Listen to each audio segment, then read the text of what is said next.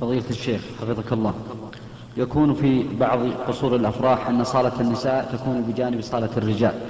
فهل يجب الإنكار في حالة سماع صوت امرأة تنشد بمكبر صوت أو بدونه؟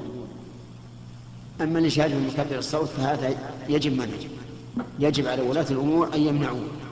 ويجب على أهل القصور أن يمنعوه. ويجب على أهل الزوج والزوجة أن يمنعوه. لما في ذلك من الضرر والفتنة. والأذية للجيران. وأما الصوت العادي بدون المكبر فينظر.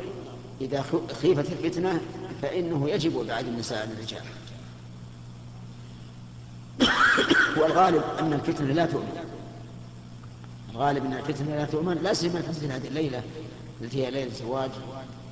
فإن النفوس مهيئة للفتنة.